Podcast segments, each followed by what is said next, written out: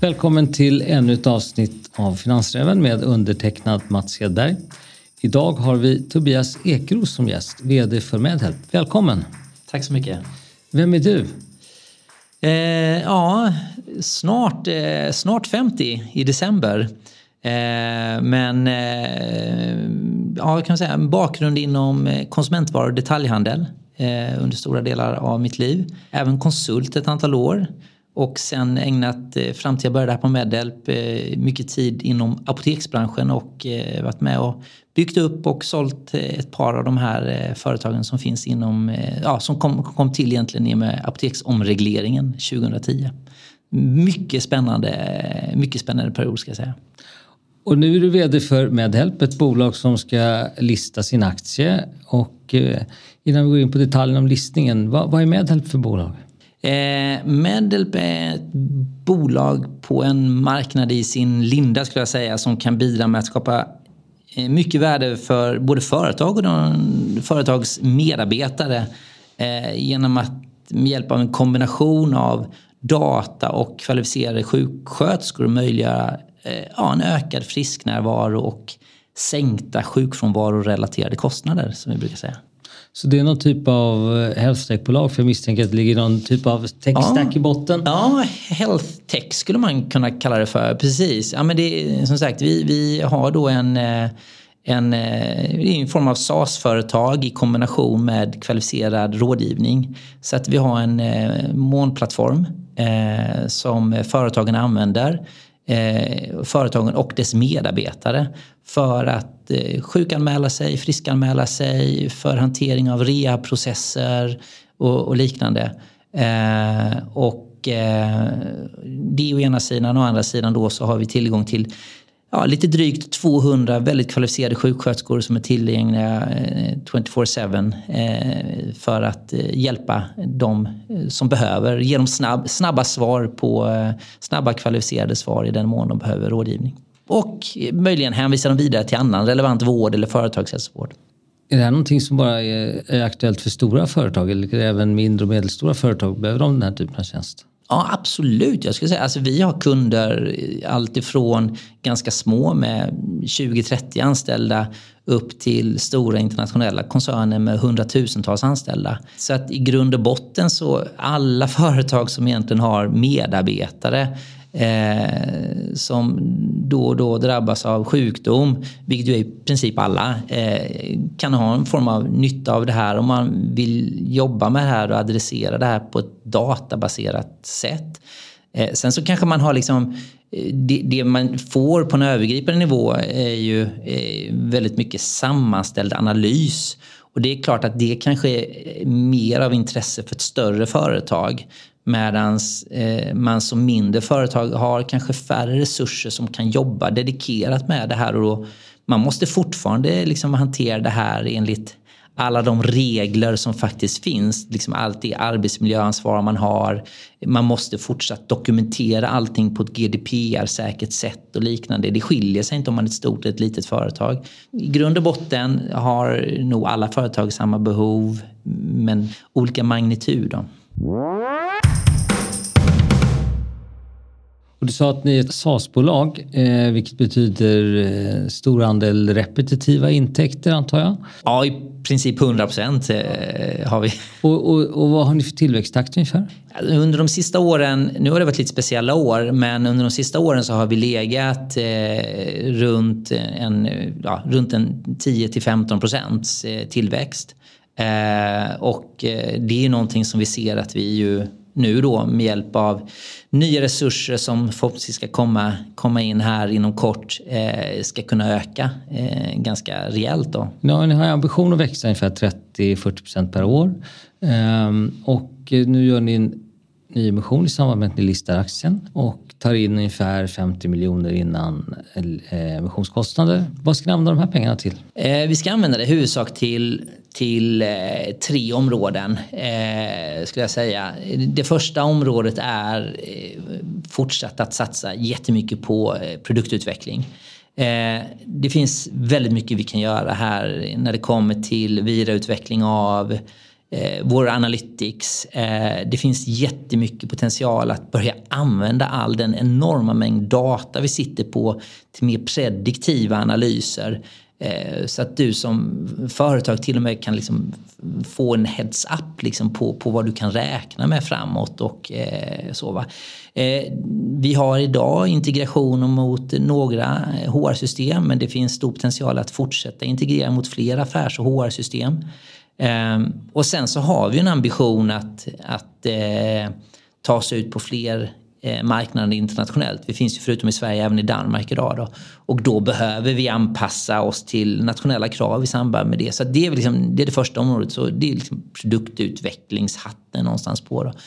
Eh, det andra området är eh, att öka kännedomen om vårt erbjudande genom att börja satsa Eh, på marknadsföring och försäljning på ett helt annat sätt än vad vi har gjort eh, helt enkelt. Idag jobbar ju 90 procent av den sysselsatta befolkningen på företag som saknar den här typen av databaserad företagshälsa. Trots alla fördelar det innebär både för individerna men även för företagen då.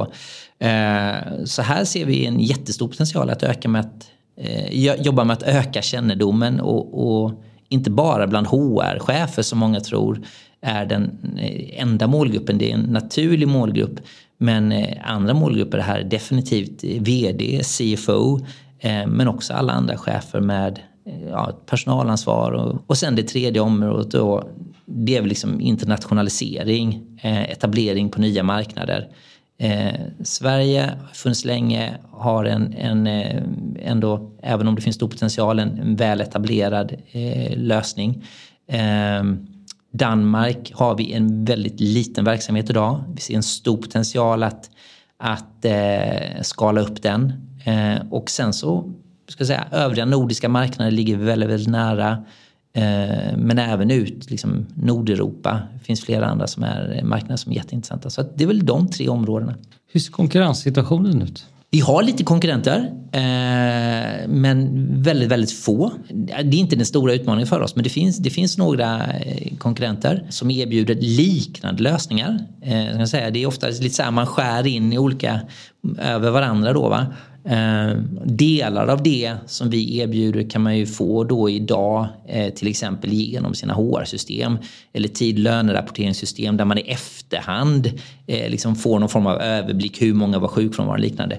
Men du får ju inte det här i realtid som vi erbjuder.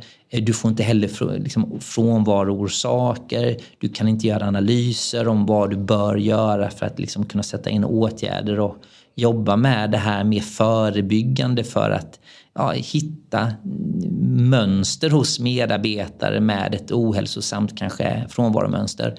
Eh, så det finns inte så många konkurrenter. Eh, och, och, även om det finns då några konkurrenter ska jag säga, men 90% bara i Sverige som, som, saknar den här typen av lösning så finns det egentligen utrymme för, för fler. Man kanske till med, ni kanske till och med välkomnar konkurrenter för att bygga marknaden? Eller? Absolut, det skulle jag säga. De flesta företag vet ju värdet att jobba faktabaserat, databaserat.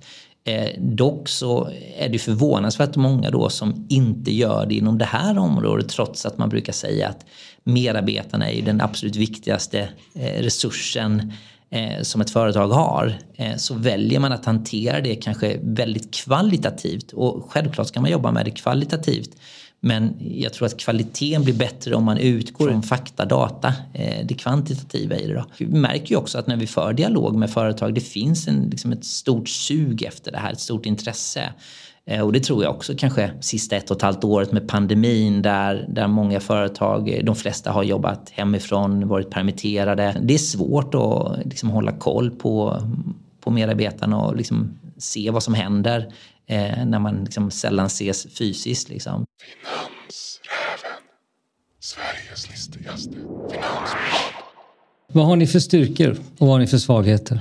Alltså, nu är jag ju ganska subjektiv i det här men vi har ju som jag ser det eh, ganska många, ganska många styrkor. Men för att nämna några då så är det till att börja med så har vi en väldigt en väldigt smidig och överskådlig lösning. Eh, den här plattformen då som vi, som vi erbjuder ger ju en trygg och smidig hantering av sjukfrånvaro, av rehabilitering. Eh, man får som företag en översikt över hälsoläget i realtid, ska läggas till. Eh, och det gör att man då enkelt hittar medarbetare med, med hälsorisker innan det övergår till långtidsfrånvaro. Det är det första.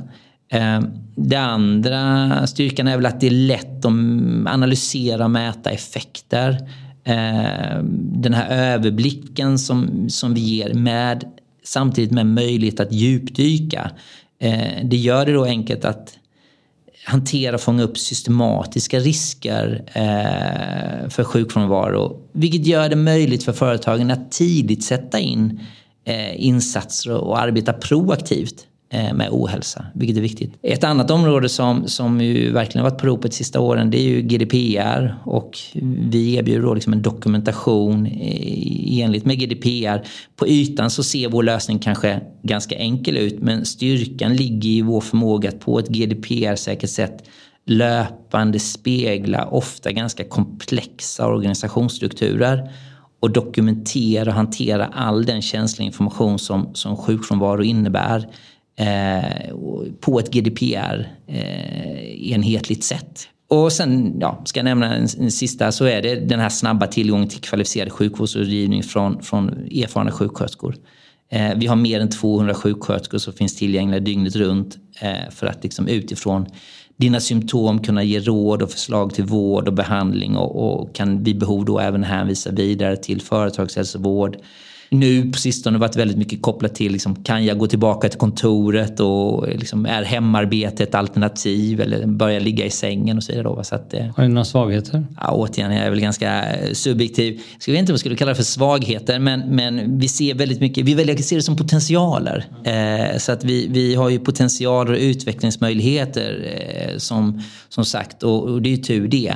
Eh, och här eh, ska jag säga, det ser vi verkligen fram emot att ta oss an. Och ska jag nämna några där, jag menar den mest uppenbara som vi pratat om för en stund sedan, det är ju den låga kännedomen om vad vi faktiskt erbjuder. Eh, som sagt, om 90 procent av befolkningen jobbar på, på företag och organisationer som inte har den här typen av lösning, då, då har vi ett jobb att göra Eh, med att liksom bygga den kännedomen. Så det, den är såklart, eh, det är, en, det är en potential. Fördjupad insikt är väl ett annat område. Idag kan man som kund göra olika typer av analyser baserat på data från den här frånvaroanmälan. Men vår ambition är att på sikt även kunna integrera det här med andra datakällor så att du liksom får en mer komplett bild. Ett tredje område som ju också är hett är liksom att börja använda oss av mer AI för att kunna agera prediktivt. Vi har alltså tillgång till mer än 15 års data och den i kombination med andra datakällor eh, både företagsspecifika men också mer generella. Vår ambition är att vi ska kunna börja använda den på ett sätt så att de företag som använder vår tjänst bättre kan förutse hur deras medarbetares hälsa och sjukfrånvaro kommer utvecklas.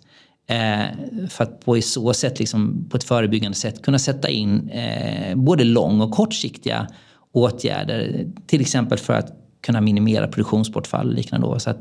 Det låter ju som det finns ett behov. Ehm, och eh, nu när ni drar in de här pengarna, tycker investerarna att det finns ett behov? Har ni märkt något intresse hittills? Ja, men det har varit ett fantastiskt stort intresse. Det är jätteroligt. Vi har nu redan täckningsåtagande på 80 procent. Vi, vi vill också se till att det kommer ut till, till eh, övrig retailmarknad. Liksom. Så att, men det har varit ett jättestort intresse. Det känns som att alla vi har presenterat det här för hittills eh, verkar eh, förstå eh, värdet och behovet i det vi erbjuder och, och tror på den ambition och den affärsplan som vi har presenterat. Så att, eh, ja. Okej, okay, om man nu är intresserad av att lägga till Medhelp i sin portfölj, hur skulle du beskriva den här det här bolagets aktie? Vad är det för typ av aktie? Är det cykliskt? Är det tillväxt? Är det eh, defensivt? Utdelning? Ja, nej, det är, nej, defensivt och utdelning känns ju inte som kanske ord eh, i det korta perspektivet och inte heller cykliskt. Det här är ju ett område som är relevant för i princip Eh, alla företag. Och vi har ju också kunder, ska man lägga till, redan idag inom typ alla branscher. Vi har liksom allt ifrån svensk basindustri till ganska mycket transport, retail, hotell, bank, detaljhandel. Så att det är liksom väldigt, liksom, bredden är relevant för de flesta som vi var inne på innan. Då. Men, och alla de här företagen som vi har som kunder, de har sina medarbetare året runt. Och så att det, det finns väl inget direkt cykliskt i det. Eh, annat än om, om eh, företagen börjar liksom säga upp sina medarbetare. Och det tror vi, det kommer inte hända kors alla de här branscherna på ett, på ett synkroniserat sätt. Och så, så att den är nog väldigt icke-cyklisk. Och sen så är det här definitivt en tillväxtaktie. Eh, det är det som är vår ambition och förhoppning. Eh, vi ser ju en jättepotential eh, både i Sverige men också ut internationellt. Så att det är väl vår ambition att eh, ja, så länge vi har ägarnas förtroende eh, att få använda de vinster vi skapar för att kunna fortsätta skapa tillväxt både i Sverige men även ut internationellt. Spännande! Tobias Ekros, du har sålt in ditt case medhjälp bra. Jag tackar så hemskt mycket för att du var med i Finansräven. Tack för att jag fick vara med. Tack så mycket.